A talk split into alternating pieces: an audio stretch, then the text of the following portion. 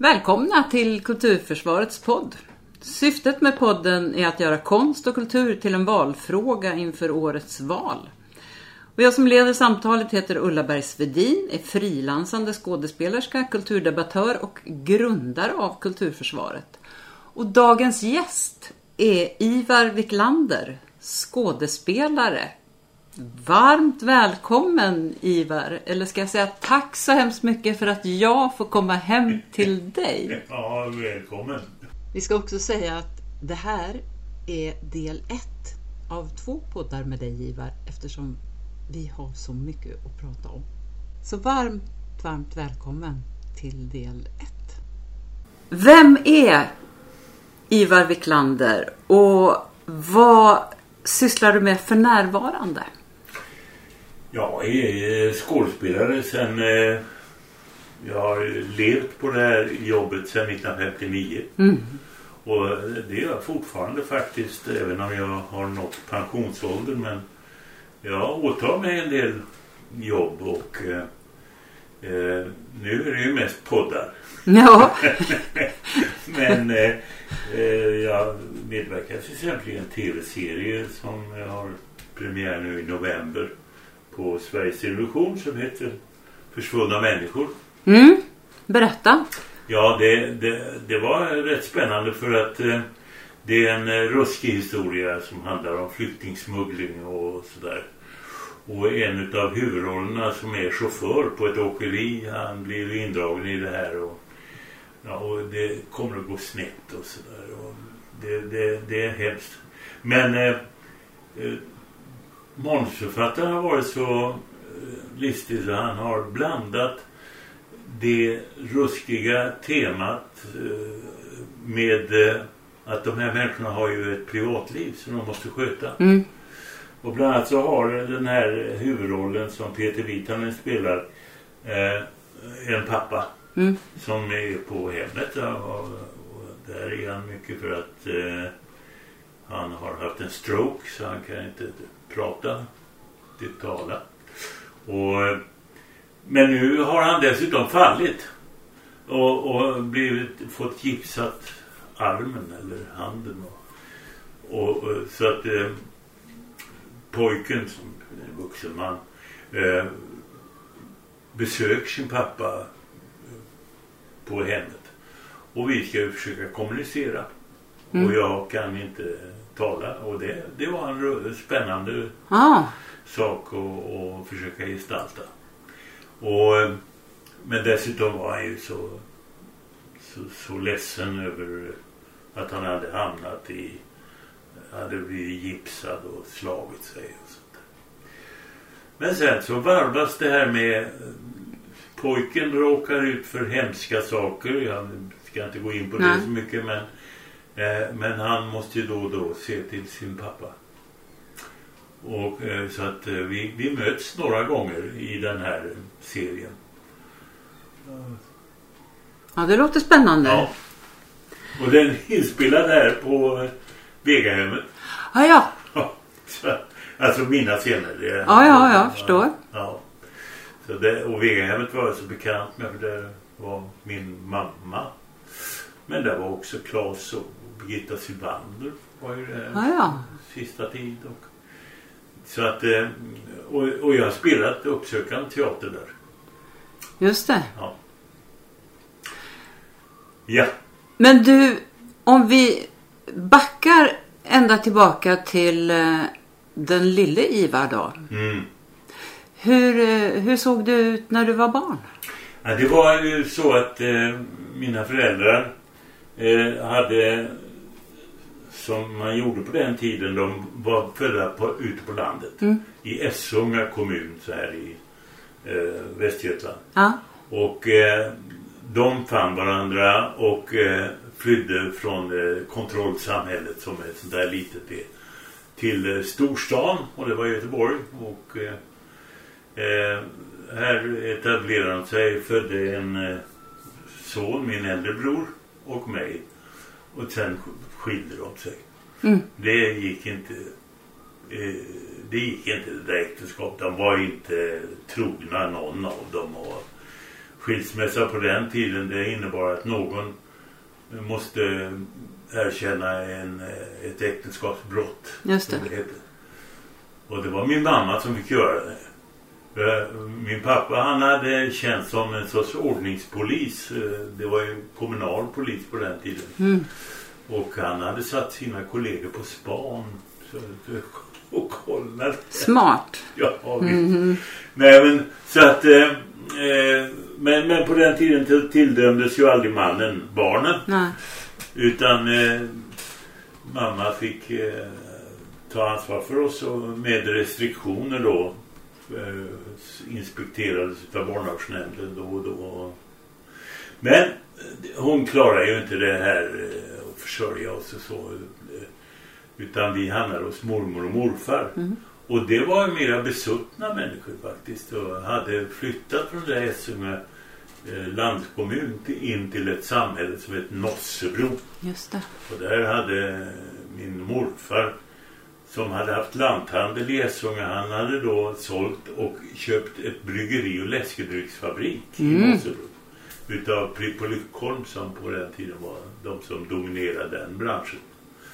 Och eh, nej, så att de hade det ju rätt bra och kunde också ta emot oss och de hade överhuvudtaget en sån där inställning. De tog emot eh, på sin tid eh, sina egna gamla föräldrar. De tog hand om en, eh, en min moster hade fått barn utanför äktenskapet. Då tog de hand om henne och eh, sådär. Och, och, och så tog de hand om oss.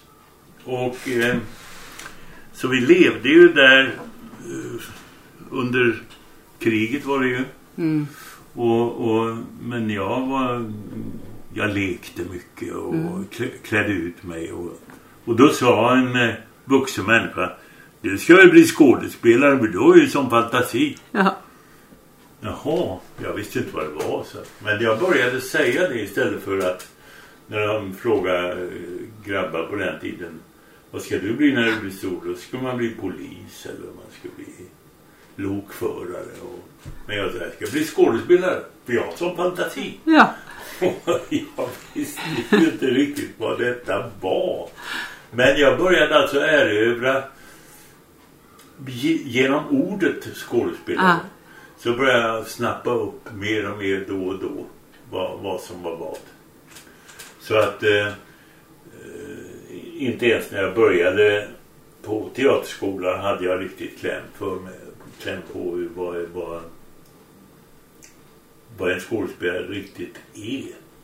Jag såg det som en födkrok, ett yrke man skulle Ja, skaffa ja, sig. ja.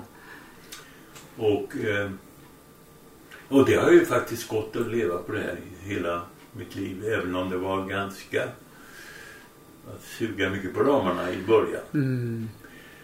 Men, men var du också ett sånt här barn som liksom iscensatte saker och blandade in andra barn och så? Nej, det gjorde jag inte så mycket. Nej, det gjorde jag inte. Utan jag gick nog hela tiden och väntade på ja, eh, och eh, nej, jag, jag lekte nog för mig själv och eh, ja.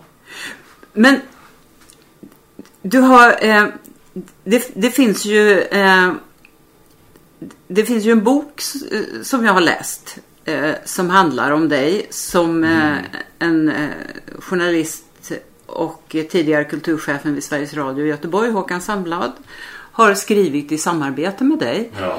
Och där har du ju berättat att det fanns teater och böcker och radioteater i hemmet och du skrev uppsatser i skolan och så vidare.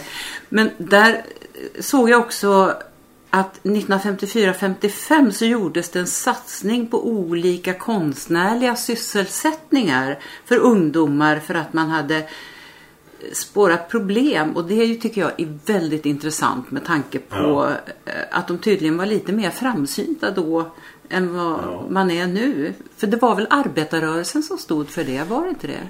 Nej, det var det inte direkt. Eh, eh, även om de eh, också medverkade i det här. Utan det var faktiskt lite lärare och eh, doktorinnor och sådana Ah, ja. som tyckte att de skulle... Så att det, det, det kom att bli så att eh, jag gick då till teaterlinjen där. Ja. De, de hade också konst och de hade hantverk och eh, handarbete och så vidare. Så, och jag, då, då kommer jag ihåg att jag spelade i en grosshandlare Katong i eh, Hittebarnet av August Blanche. Och eh, då, då var till exempel eh, överläraren som det heter på den tiden eh, från skolan. Och jag hade en roll där och doktorinnan jag hade en roll. Och, men eh, jag som nästan var yngst, jag fick alltså spela den stora auktoriteten. Och, eh, det gjorde att jag nog eh, lite missförstod vad teater var. Jag trodde man kunde spela vad, som helst va. För flera år senare så sökte jag ju till eh, Stadsteaterns elevskola här. Och då gick jag in på scenen som gamle Swedenhjälp och säger barn, jag har fått Nobelpriset. Och ingen trodde mig. Lunch skrek den juryn. Och, eh, men men eh, från början så trodde jag att eh, man kan spela vad som helst. Och, Ja, det, det kanske inte var så konstigt. nej, Eh. e- egentligen inte. Men eh, nu efteråt så inser jag att jag inte kom in på elevskolan för, för att eh, jag dels var 17 år Ja. och dels eh, hade jag dåligt omdöme som valde att spela eh, gamle Sveding en Nobelpriskvalitet på Ja. honom alltså. Men du hade inte fått någon, någon hjälp då från Jo något håll? det hade jag och eh, det var samma regissör som hade satt upp eh, Hittebarnet. Ja. Och det var en eh, teatermänniska här från Göteborg som heter Nils Södermo. Som kom att betyda mycket för mig och Ja. mitt sätt att närma mig det här yrket. Och eh, han... Ja, det var ju så viktigt på 50-talet att man inte talar dialekt. Mm. Och det eh, var det första jag fick lära mig. Och det, det var inte så lätt att, att göra. I Göteborg skulle jag försöka bli av med göteborgskan. Ja. Så att jag lyckades ju inte eh, riktigt alltid. Eh, jag vet när jag sedermera kom till Stockholm och hade jobb i en revy, Kardemummarevy. Då hade vi en sketch som hade som omkväd gång på gång. Som och så denna utsikt över Farsta. Som var eh, en nybyggd stadsdel då. Eh, Men jag som västsvensk, jag sa, och så denna utsikt över Farsta. Ja. Och då skrek missade de, vad fan säger du? Nej men jag, jag säger som det står. Nej det står det inte. så, så, Farsta. Farsta, Ja. Stuvsta. Ja.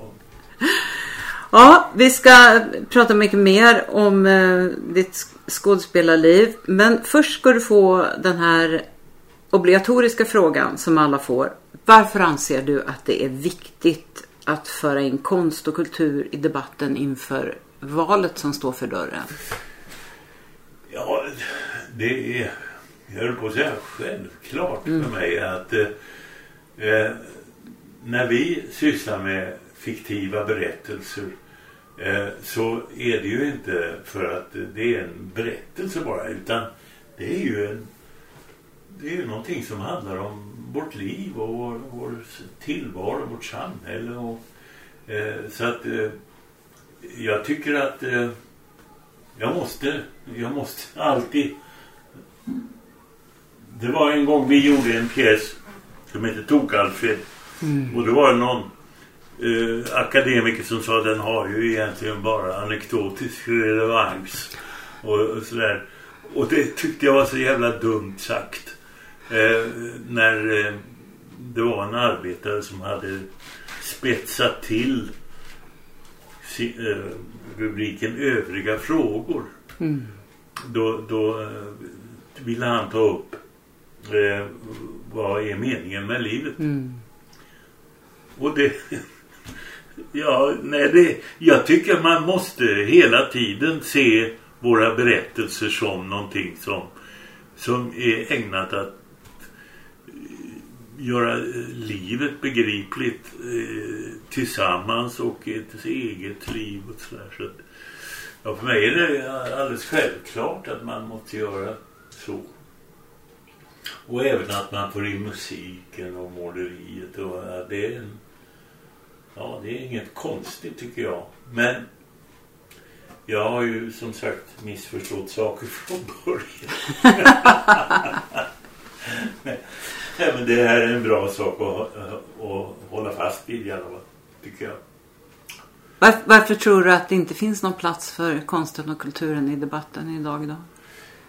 Ja, det är ju helt enkelt för att vi har såna här eh, bubblor. Mm. Alltså vi lever i eh, var och en i sin värld och, och eh, plockar bara in information som angår en just då. Mm. Och det är ju en missförstånd, missförstånd att det är bara det som angår mig som är intressant. Och, och eh, men, men eh, jag tycker att eh, samhällsandan har blivit lite så. Att man avgränsar sig gentemot det som inte man själv är intresserad av. Så att eh, Tycker du att det var ett svar? Ja, och ändå tänker jag under pandemin så blev det ju så tydligt på något sätt att människor nästan förtvinade när allting stängde ner. Ja, ja det är sant. Så att på något sätt så tyckte jag att vi fick bevis för att det är någonting som saknas när vi inte finns. Ja. Det kanske först då det märks. Det har du alldeles rätt i. Sen, sen är det det att eh, jag rör mig sen eh, nästan från början men sen några år med definitionen av eh, eh, vad teater är. Mm. Och det är då skådespelarberättelsen och publiken. Mm. Och därför måste det liksom följas upp även utåt. Precis. Du gick ju den anrika utbildningen Kalle Flygares teaterskola. Mm. Berätta, hur var det? Ja, det var... Eh, alltså efter att jag på min 17-årsdag hade misslyckats att komma in på Stadsteaterns elevskola. Och jag försökte också på 18 års. Eh, det var inte på själva födelsedagen men det var det ju faktiskt där. När jag fyllde 17. Jag kom inte in då heller. Och då eh, skrev jag till eh, Kalle Flygare och eh, han hade ju ett annat system. Han hade provmånad. Ah, ja, det är bra tycker jag. Så, ja visst, så jag blev inbjuden att eh, gå en provmånad. Och det var för, 15 eh, augusti till 15 september. Eh, det, så hade det varit genom alla år tydligen sedan skolan kom till. Och jag blev antagen. Och eh, då hade jag framför mig två år. Eh, det vill säga tio månader om året. Och eh, då, då gick det till så att eh, Kalle undervisade själv eh, i veckorna. Eh, och eh, på förmiddagen så hade han förstaårseleverna från, eh, jag tror det var kvart över åtta eller någonting till tolv. Och eh, sen hade han på, efter en lunchpaus eh, andraårseleverna på eftermiddagen. Och hela första året så hade, ska vi säga, varje varje man eh, en, en roll och varje kvinna eh, en, en motsvarande roll eh, som vi arbetade med alla män med samma roll. Eh, och eh, det, det gjorde att man började se på varann och började stjäla bra idéer och eh, insåg vad som var gångbart och sådär. Så jag tyckte det var en väldigt bra metod. Och, och eh, sen hade vi ju på eftermiddagarna själva arrangerat eh, repetitioner med varandra. Och, och då, då kunde man ju söka sig till favoriter och sådär om det man ville. Och, eh, men man arbetade ungefär en vecka med en sån där roll. Vi gick ju sex dagar i veckan på den tiden. Mm. Och sen bytte man. Men var det monologer eller vad var det för Nej, det typ var av- spelscener. Ja. Ja, det var det. Eh, jag, om jag tar exempel på vad provmånaden hade för scener så var det det var en ifrån eh, eh, Hjalmar Bergmans eh, Hans testamente. Mm. En pojk och flickroll där. Eh, ja, vad de heter nu. Och sen, sen var det en eh, av Kai Munk som heter Fredriktatorn. Där man spelade en eh, hög eh,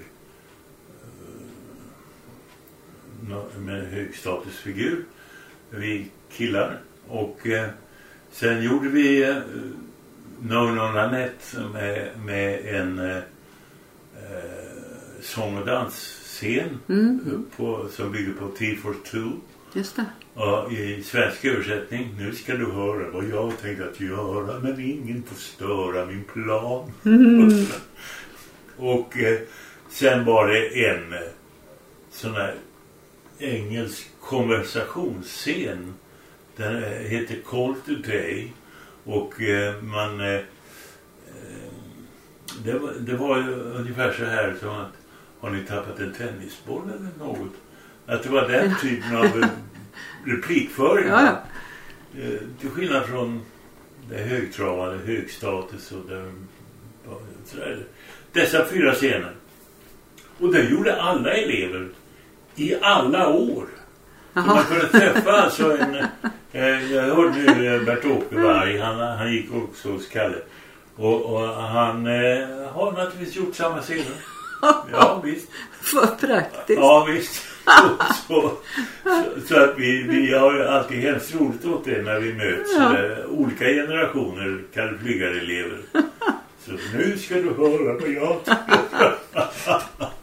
ja. Men hade, hade, hade ni tekniska lektioner också så att säga? Tal och Ja, röst det hade och vi sen. Eh, på lördagar så, så hade vi tal och det var en, det var en eh, eh, pedagog som hette eh, Torgo Ek som eh, undervisade i tal och sång och eh, kollektivt då på, på lördagar.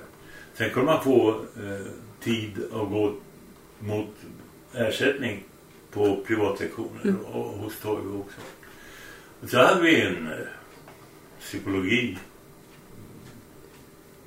professor tror jag han var som föreläste om eh, psykologiska fenomen som vi var ju 18-19 år Mm. sådär så att vi eh, det var mycket att lära sig och eh, vi hade mim det var en, eh, en eh, dansk som arbetade ute på Europafilm som heter Sigurd Jörgensen. Och hans metoder var egentligen att skälla på oss hela tiden. Ni är så dåliga! Ni är så jävla dåliga! Men, men vi fick också öva lite på alltså, mim, mimiska, mimisk gång och sånt där. Och, det. och, och fick lite... Sen hade Kalle Flygare som ju var en mycket lärd man. Han var, och, och hans stora intresse var ju teaterhistoria. Ja. Han hade ju också föreläsningar för oss. Där hade han ofta i samband med eh, sin egen undervisning så kallade analysdagar. Då han talade i tre timmar och hela tiden när, så fick man en känsla av att det var självupplevt. Även om det var ju från 1700-talet eller från romerska tiden. Men eh, han, eh, han var en lysande berättare och, och han blandade lite grann. Ja, han kunde ju alla språk och sådär som akademiker ska kunna. Och, eh, men utöver det så var han ju halvdansk. För hans mamma var från Danmark. Och eh, pappa från eh, Malmö. Så att han talade också en perfekt danska. Och det, det gjorde han gärna. Ville han bräcka iväg lite danska. Så. Och så att ja, nej, det, det var väldigt mycket eh, och, men, men inga, inga böcker. Nej. Utan, eh, och jag har alltid gillat eh, muntlig framställning. Mm. Och kommer ihåg det mesta av vad som berättas för mig och sådär. Så för mig var Kalle Flygares skola perfekt måste jag säga. Dessutom så fanns det ju flera eh, privata skolor i Stockholm. Det kallas ju en privat... Det kostar ju pengar det här. Mm. Eh, eh, det var Terserus, det var Willy Koblank, det var med flera. Och eh, eh, Kalle Flygare hade ju rykte om sig att vara ganska ytlig. Han eh, undervisade också i operett och Mm. det och gärna och han eh, var förtjust i operett och, och det nya som kommer det heter eh, Musical Comedy Style. Och, och, han, och iväg då på sin engelska och eh, eh, han var ju listig på det sättet. Han eh, öppnade ju skolan för eh, uppvisningar. Mm. och eh, mycket var det ju för att eh, samla så kallade engagemangsnyttiga personer Mm. som kom och tittade på oss. Och för att locka dem så tog han ofta till scener ur högaktuella pjäser och musikaler. Mm. Så att, eh, och då genom Bulvan köpte han eh, då eh, manus och eh, sådana här utdrag med musik eh, i England eller eh, USA och eleverna översatte själva och kunde alltså 1958 på våren spela upp scener ur My Fair Lady Ja. som inte fick premiär förrän 59 i Sverige. Och eh, man kunde spela upp scener ur West Side Story. Ja. Och man har gjort eh, egna översättningar som eh, inte var så bra som de Rybrandt sen gjorde men eh, jag minns att det var skölja, dölja och förfölja. För, på den tiden var det många som sa skölja, dölja Ja. och förfölja Mm. och sådär. Och, eh, eh, och det här gjorde ju faktiskt att det kom folk som tyckte det var kul. Kalle Flygare, han har ju scener ur My Fair Lady. Ja. Ja. Och, och eh, sen var det ännu intressantare var att hans gamla mamma som satt utanför i en, som vi sa, drakbur och eh, skötte den här skolan. Hon var ju blind Oj. praktiskt taget. Men han ville aldrig erkänna det riktigt. Så att hon, hon visste inte riktigt om hon kunde känna om det var en tia eller en femma hon hade i fingrarna. Hon var blev ju jätte... Och hon ville inte att Kalle skulle få klart för sig hur illa hon sov och sådär. Men hon skötte allting. Och så var det, hon, var från början en, en liten societetsflicka från Köpenhamn. Men nu var en gammal kärring som satt där med en filthatt. Eh, men hon hade ju fått lära sig att spela piano. Mm. Eh, och hon hade eh, gehör och minne. Mm. För hon läste ju inte noter. Men hon hörde musiken av My Fair Lady och så spelade hon. Och ackompanjerade. Wow. Ja, så vi hade henne som ackompanjatris. Och, och eh, jag minns en gång när vi, eh, vi brukade eh, spela upp eh, våra uppvisningar som vi kallar det på Arbetarinstitutet som låg på norra Klara Norra kyrkogata där, ja, där Åhléns ligger nu. Just det. Och eh, där eh, så när el- andraårseleverna hade sin uppvisning då fick förstaårselever jobba som scenarbetare Mm. och eh, funktionärer. Och, eh, och tant hon satt där ute och väntade, vi kallar henne tant, eh, flygare. Och eh, men hon somnade ofta. Så, Och så var det någon som hade rubbat pianot. Och så tänkte en kille, Stig Welcher. Uh, herregud, när hon vaknar hon bara, hon bara slår igång då. Trots att det har... Grabbar kom här. Och så flyttar det sådär en halv oktav. så att hon kunde när hon hörde sticket bara göra. Det, det hade kunnat bli kul annars.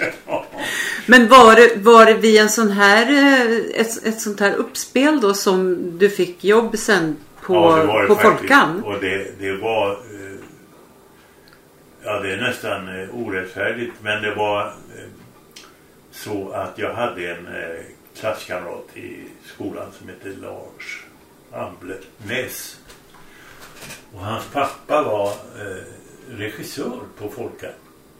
Och nu pratar vi Folkan i Stockholm Ja, kanske vi Folkan förtydliga. Ja. Ja. Mm. Och han hette Leif Amblenäs. Han hade haft Lars, vad heter det, Chat Noir i Oslo och sådär. Mm. Och sålt det och flyttat till Sverige och bodde. Alltså han var norrman. Det var ju egentligen Lars också. Eh, han hade norskt medborgarskap.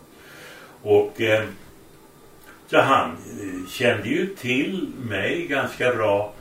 Och, och jag var ofta med Lars hem till, de bodde i en eh, Äppelviken i Bromma. Eh, och, och övernattade hos honom för jag bodde första året eh, annars hos släktingar i Huddinge. Eh, men ibland så blev jag kvar i stan och då, då åkte jag med Lars hem. Så att jag kände ju den där pappan lite grann. Och han kände mig. Och så, och så var ju ensembler på den tiden nästan alltid uppbyggda så där det var ett par äldre, ett par medelålders, eh, en ung man, en ung kvinna och, och så vidare. Och den unge mannen eh, hade fallit för åldersgränsen på Folkan. Så- Vad, vad låg åldersgränsen på den Ja, tiden? Jag vet inte, alltså, jag, jag, det var ju Sten Gester och jag tro, trodde han närmade sig de 40. Ja. Ja. Men, så då skulle det in en ung man eh, i denna schablonensemble. Och då, då frågade Leif Amblenäs om inte jag sk- skulle vilja pröva på det där. Jo, jo. Så jag och eh, Kristina eh, ah, vad heter hon nu? Eh, Kristina Frambäck. Vi eh, gick till Folkteatern och eh, spelade upp en scen ur eh, Violen från Montmartre. Mm. Och ja, efteråt de berömde Kristina som fan men jag fick jobbet. Och ja, och så plötsligt var jag anställd på Folkan. Och det var ju eh, Ja, vi började repetera i februari eh, 59 och eh, hade premiär sen i april och eh, i maj fyllde jag 20. Så att det, det var ju enastående att jag fick komma igång så där tidigt. Mm. Och det var ju på den där Kardemummarevyn var ju alldeles enastående populär. Ja. För, för att eh, från det vi hade premiär i april så gick den ju utsåld hela året. Eh, och det var ju dessutom sju dagars vecka Mm. på den tiden på, på en revy. De hade, alltså man hade infört eh, veckovilodag. Men de hade lyckats förhandla sig till någon sorts dispens ifrån detta.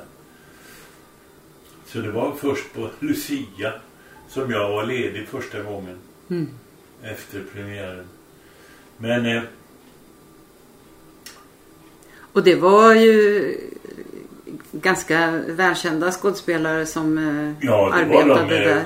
förnämsta egentligen i, i landet vid den tiden. Det här var ju 59 det var ju ett par år innan eh, Hasse och Tage hade sin Mm. första Gröna Lund, Gröna Hund-revy. Eh, det- den kom 62 tror jag det var.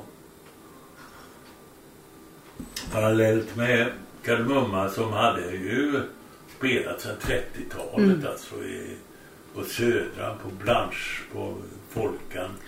Eh, och eh, då var det Stig Järrel och Hjördis Pettersson Mm. som var det äldre paret.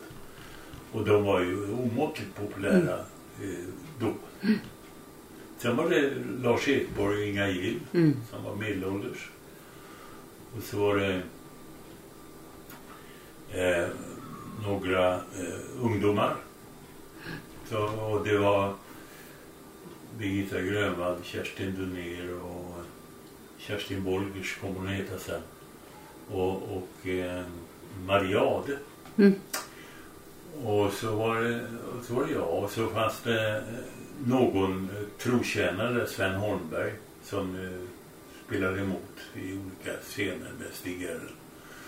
Och ja, det var en... Och, och jag, jag fick en, eh, ett elevkontrakt. Mm. Så jag hade samma lön som Stig hade om dagen. Hade jag i månaden. 750 kronor kommer jag ihåg. Men det var ju en, en, ja. Och teatern eh, den ägdes ju av Europafilm.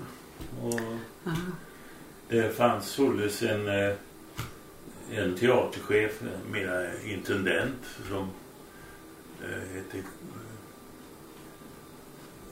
ja, Holmqvist. Men han titulerades kapten. Det var väldigt vanligt eh, efter kriget. Ja, ja. Att man hade kvar sådana där titlar. Ja, ja. Eh, Men kapten Holmqvist var teaterchef. Ja. Du, du har ju spelat eh, ganska mycket radioteater. Du, du sökte, du skickade själv ett brev och ansökte Ja. till radioteater. Jag tänkte, idag tror jag inte det skulle lyckas för någon. Men hur, hur gick det till? Ja, nej det var... Eh, det var ju den teater som jag hade mest koll på egentligen. Ja. Jag lyssnade på radioteater varje vecka eh, från det jag var pojke. Och, och när jag hade, innan jag hade förlorat mina pojkår så hade jag kommit underfund med att man kunde beställa manus ifrån radioteatern. Alltså små häften. Ah. Det fanns hela texten. Eh, Wilhelm Mobergs dramatik. Med Bertolt Brechts dramatik. Och jag fick det hemskickat och jag kunde läsa och häpnade inför att de sa exakt som det stod. Ja, Jag, det hade jag aldrig förstått till exempel. så du följde med liksom? I... Ja, jag gjorde. Ah. Ja, ja, Mm. ja, nej, det, blev, det blev en skola. Va?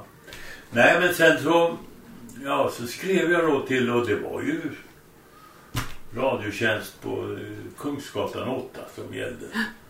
Och då skrev man dit. Och, och jag har ju de här breven. Eh, de, eh, man var ju inte du utan Nej. det var herre. Och. Och, och, så jag fick väldigt trevliga brev. Och det här var Per Werner Karlsson som var eh, någon sorts... Eh, eh, han var kanske inte radioteaterchef men han var ansvarig för eh, rekrytering och Ah. sånt. Han var ju regissör annars. Och jag eh, och en tjej vi var Eva Alexandersson var det. Eh, vi eh, spelar upp en scen. Och jag tycker nog, jag tror inte att vi spelade eh, särskilt bra men det var en bra imitation av hur radioteater låter. Ja, ja. Och det, det räckte för att jag erbjöds att då och då prövas i någon roll. Och jag fick roller. Man hade en stor studio vid Gustav Adolfs torg. Eh, där vi spelade in. Och, eh, men själva provet var faktiskt på Kungsgatan 8. Det tyckte jag var historiskt. ja. Det var roligt. Ja.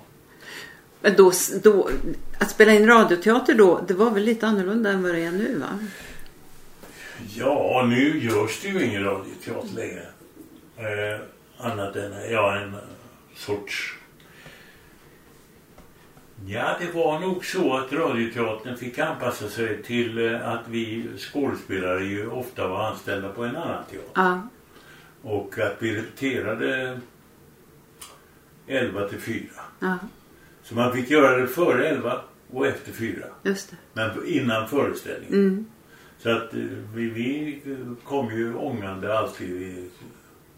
radioteaterskådespelare från någon repetition på teatern.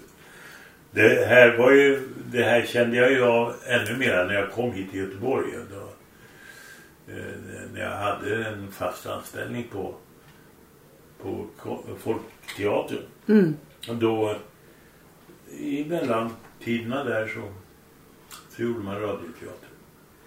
Och det var ska vi säga en eh, sex, sju, åtta inställningar. Och så var det inspelat. Mm. Ja. Och eh, Men var ni där samtidigt? Eller spelades det in liksom, alltså spelade man mot varann? ja, eller? det gjorde vi. Ja. ja, det gjorde vi. Och i början så var det ju också att vi hade en sån här mix som tog runt.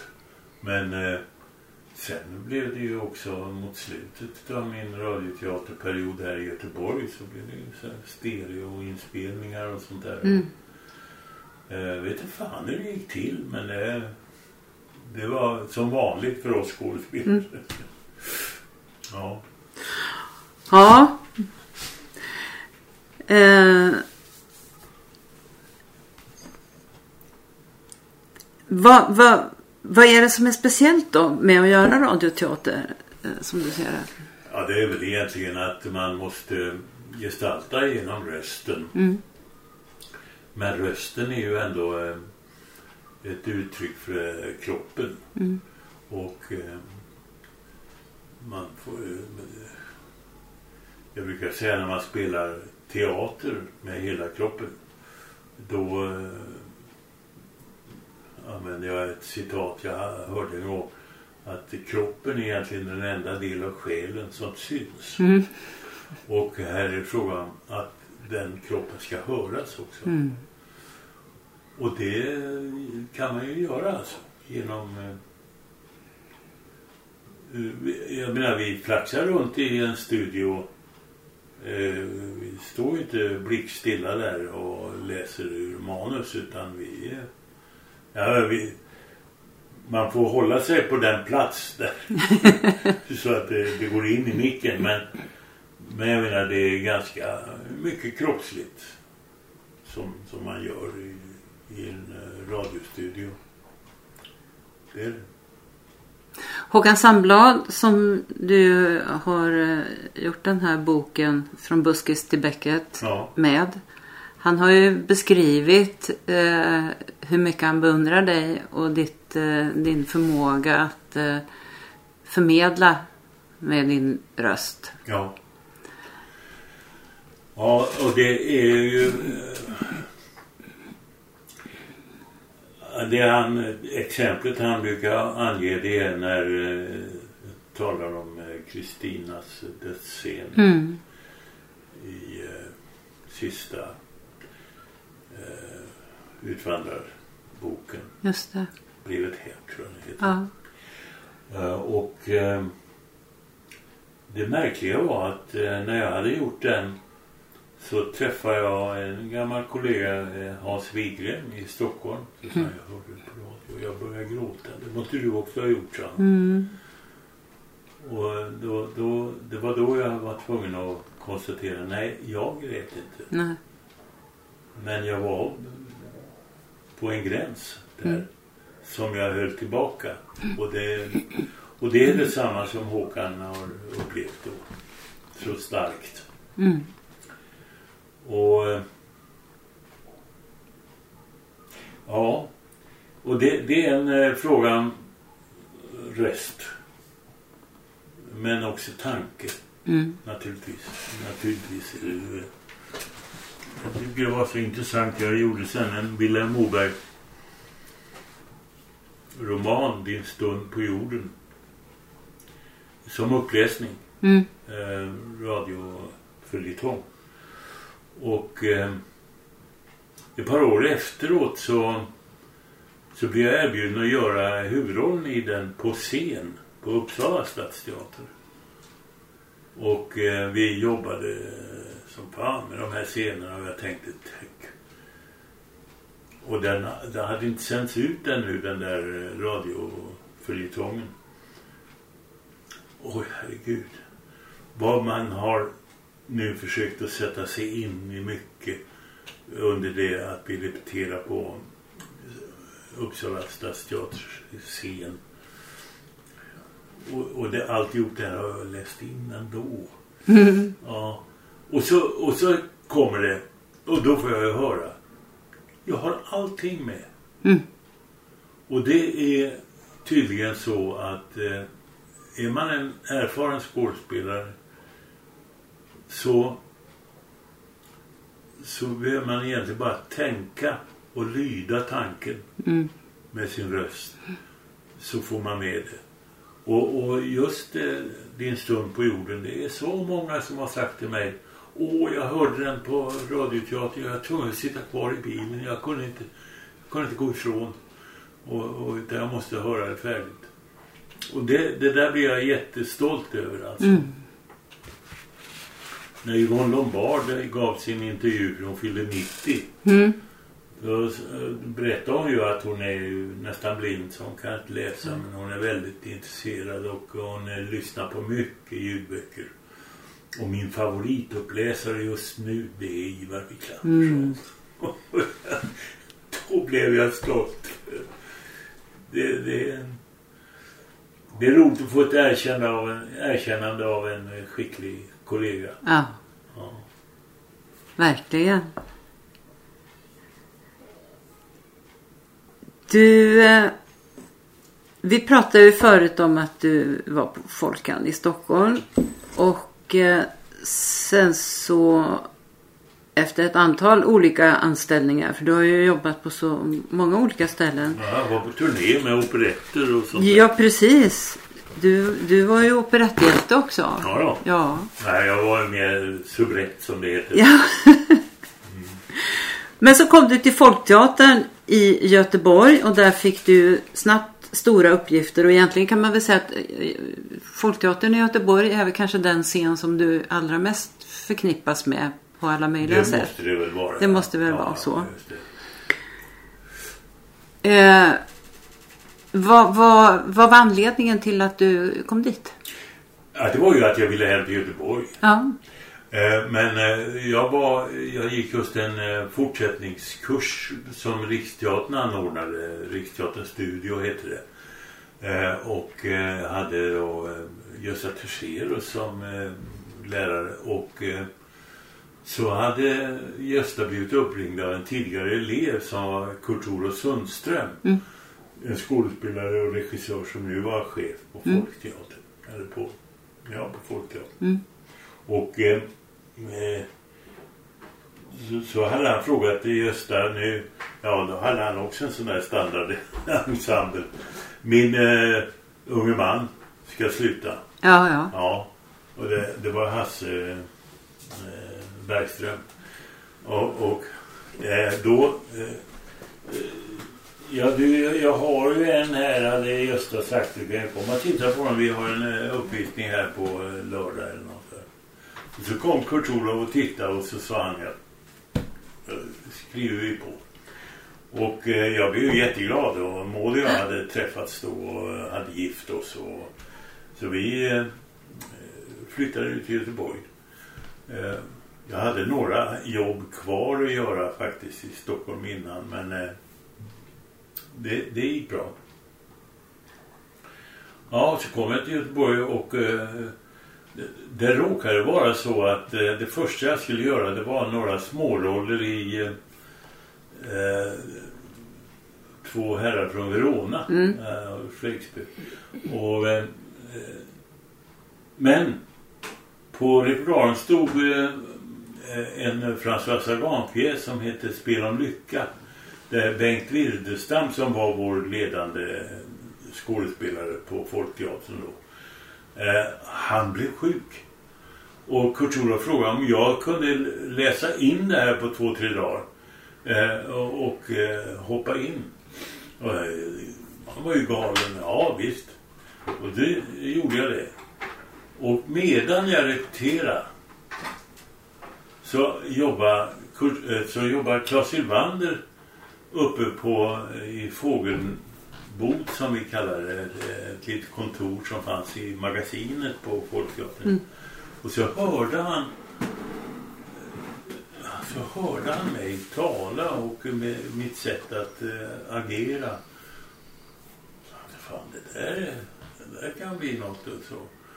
Och rätt vad var Ja, så hoppade jag in och det gick jättebra. Och, och eh, jag minns att Kurt Olof alltså, kan du ta med dig de där blommorna imorgon också? jo då. Och eh, eh, Kurt Olof han, han meddelade senare den hösten då att han eh, ville sluta efter sina tre år. Mm. Och eh, då sökte teatern en ny teaterchef och det blev Sandro Malmqvist. Mm. Som inte kunde komma direkt. Utan då skulle man ha en interimschef ett år. Och då frågade man Claes Sylvander. Och Claes han tänkte göra sig oersättlig under det året. Och han ville liksom köra igång någonting. Mm. Och det gjorde han. Och, och han hade ju haft eh, Karl Axel eh, vad heter han nu? Eh, Karl-Axel Branner eh, eh, heter han Karl-Axel? Ja, Branner i alla fall. Eh, som mentor och eh, hade fått massor av råd av honom. Men så, så hade så hade Claes sagt till Per-Axel heter han Just det. Eh, men jag måste ju ha några stjärnor också. Nej, de ska du skapa själv, sa Per-Axel. Jaha, sa Claes. Och så bestämde han sig för då gör jag Ivar och Folke Hjort och Birgitta Pettersson till stjärnorna. Och sen jobbade han på det. Mm. Han såg till att vi alltid var i ropet på något sätt. Att det alltid stod någonting i tidningen om oss att vi fick stipendier. Han sökte alla möjliga små och stora stipendier åt oss. För att vi skulle eh, vara i ropet. Och så fick vi de maffigaste roller som finns i eh, världsdramatiken. Alltså. Så innan jag hade fyllt 30 så hade jag ju spelat Per Gynt och eh, Faust, eh, Hamlet eh, med mera. Och eh, det fina med det, det var ju att Claes var ju inte sådär att han bara eh, ville att man skulle sätta upp det utan han skaffade ju dit regissörer från Norge, från Tyskland, från eh, Amerika som kom och, och eh, jobbade med oss. Så jag fick ju en sån satans erfarenhet utav andra kulturers sätt att närma sig teater och eh, så det var ja, det var jätteroligt och jag lärde mig så mycket och det ska vi säga hos Kalle Flyger fick jag ju lära mig hur att slå i med en roll snabbt. Mm. Och, och, här fick jag lära mig hur man kan gå under djupare och djupare och ändå hålla igång det hela. Så att, eh, men sen hade ju Claes också den idén att man kan spela allt möjligt. Så att jag spelade i Othello och eh, Cassio ena dagen och, och eh, Styrman Karlsson nästa dag. Just det. Ja. Och, och det var så kul för då, det var första gången som jag fick spela på göteborgska. Och då då blev jag fri helt plötsligt. Jag hade ju varit lite konstgjord eh, innan dess. Ja, Allt hade jag fått lära mig. Jag hade fått lära mig hur man talar och jag hade fått lära mm. mig så. Men jag kunde ju inte få med hela den här grabben som fanns Nej. Vuxit upp här. Så att eh, det var en befrielse att få spela på göteborgska mm. och eh, ha en sån enorm framgång som vi hade med den. Och, och sen, eh, sen var det faktiskt ingen konst att gå tillbaka för då hade jag den erfarenheten. Mm. Så jag kunde sen återgå till eh, det här egendomliga språket som jag Apropå att det är viktigt att få ha hemspråksundervisning. Ja, visst. Absolut. Jo, visst, visst. Nej, så jag märker, jag, jag har ju nu i i de här filmerna 100-åringen och 101-åringen där fick jag ut av det lite göteborgska också. Ja. Inte allt för brett för att man måste förstå vad jag sa. Men eh, då var det en kille, han gjorde en eh, bakomfilm eh, under det att vi spelade in 100-åringen. Ja. Och eh, eller 101 år, jag kommer inte ihåg vilken film det var men eh, och då intervjuade han mig och, och, och, och så sa jag men jag är ju alltså eh, skådespelare som jag talar ju inte alltid på det sätt som jag gör här. Ja, så hur talar du då? ja, och, och just då spelade jag Norén på Dramaten. Eh, ja, till exempel eh, så här eh, nu på äldre dagar så har jag börjat uppskatta att jag bor på den, på den skuggiga sidan av Karlavägen. Och så garvade som fan killen för han, kunde inte föreställa sig att den här göteborgaren kunde prata på det sättet. ja, Men du, eh, på Folkteatern då, ja. jag har, om jag inte är fel underrättad, ni hade ett ganska hetsigt tempo. Mm. Hur, hur, hur såg det var, liksom det var schemat vad jag ut? trodde att man skulle ha. Ja, Jag hade ju lärt mig att göra en ny roll varje vecka hos Ja. Byggare. just det. Ja, och eh, men det är klart att det slukade ju ens person. Det var ju tur att man inte hade några barn och så vid den här tiden. Ja. Hur såg det ut? Ny, ny, ny pjäs var fjärde vecka eller vad var det? Ja, visst, visst. Jag tror man hade ju... Man hade premiär och nästa dag så var det kollationering på en ny pjäs. Mm. Och eh, då... Och, och, och, eh, Hur lång repetitionstid? ja, det var en eh, fyra, fem veckor sådär. Eh, mera var det ju inte. Och eh, åtta premiärer om året minns jag att vi hade. Och... Och hur långt sommaruppehåll? Ja, det var sju veckor tror jag. Ja, det var så pass. Ja, det fanns eh, lagliga och så hade vi den här kompensationen Mm. för indragen veckovila. Som, som var i kraft redan då. Mm, Så att... Eh, men då tog man ju andra jobb. just det. Spelar du lite sommarteater och sånt då eller? Ja. Ja. Jo, det var ju, råkade ju vara så att eh, den här Spel om lycka, den eh, gjorde man också på eh, Alléteatern på Narvavägen i Stockholm där, som drevs utav eh, Elsa Pravitz. Ja. Men hon hade också lagt under sig eh, Fredriksdalsteatern eh, där i Helsingborg. Mm. Och då skulle hon spela den där. Eh, och hon hade Per Oskarsson i den här rollen som eh, Bengt Wilstam gjorde och som jag sen hoppade in i. Och, eh, men, men Per han var upptagen av annat. Så att, eh, då, då ringde Elsa till eh, Bengt eh, Willestam. Och Bengt han var upptagen av någonting. Eller han, han var lite bränd utav Elsa som var manslukerska. Och, eh, och, och sen sa han, nej men eh, du kan ta Ivar. Ja, ringde hon till mig och så...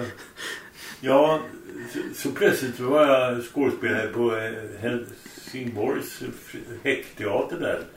Fredriksdal. Och det här var ju före pop. Allting är sådär.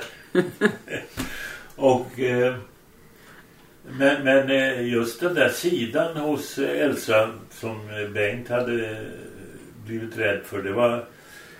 Alltså hon var ju gift med Arne Mattsson. Och de bodde i Lärkstan, en jävla fin stadsdel i Stockholm.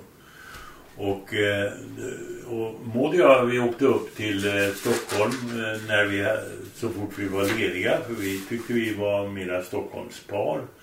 Och då så var det Elsa att jag skulle komma upp och skriva på kontrakt. Ja, då, och så for vi dit och Maud och väntade nere på gatan. Och, och så åkte jag upp och så skrev jag på. Och sen ville hon ligga med mig. Men så nej men eh, min fru står ju här nere och väntar. Nej men det går fort. Jaha. Nej, nej jag gick inte på den rätte. Utan jag åkte ner till Maud igen. Och så. Ja. Ja, ja, ja. Jo, det... Men det, ja, det, var, det, det var jävla roligt och hon, hon var mycket omtänksam och eh, eh, teaterchef. Alltså. Hon såg till att vi alltid hade det bra. Vi hade samma löner alla. Det var Heinz Hopp och Ola Andersson och Stina Ståhle och, och jag var plötsligt jag hade samma lön som dem. Och ehm, eh, dessutom lön från Folkteatern så det var en eh, ny situation för mig. Men eh, jag bjöd ju dit Maud också. Jag måste, jag måste ju Du måste ha li en livvakt. Ja. ja. Nej, så vi levde eh, i den här villan som var i Viken. Mm. Som hon, eh, Elsa hade hyrt åt hela ensemblen. Så. Men hon, hon anammade kanske stilen som var bland, bland teaterchefer på den tiden. Det var ju inte så många som var kvinnor. Nej, Och du var en ung vacker man. ja, Ja. Visst. Nej, nej, hon var inte eh, originell på något sätt. Nej, jag, jag tror inte det. Vi ska göra så här nu att vi avslutar första delen i podden med Ivar Wiklander. Och så ska vi ta en paus och sen ska vi sätta igång andra delen. För vi har så väldigt mycket att prata om. Ja, här har vi veckoprogram. Så tack Ivar för första delen. Ja, tack ska du ha för uppmärksamheten. Och eh, tack för att ni har lyssnat. Och den som vill veta mer om kulturförsvaret och om eh, kommande poddar höll jag på att säga. Men det är den som kommer eh, efter den här. Men ni kan gå in på kulturförsvaret.se och alla poddar hittar ni på sidan och där poddar finns. Om ni vill gå med i vår Facebookgrupp så är det bara att gå in och ansöka om medlemskap. Gruppen är öppen för alla som är intresserade av konst och kultur och tycker att det är viktigt att konst och kultur och fri press och media diskuteras på samma villkor som andra politikområden inför valet. Tack och på återhörande!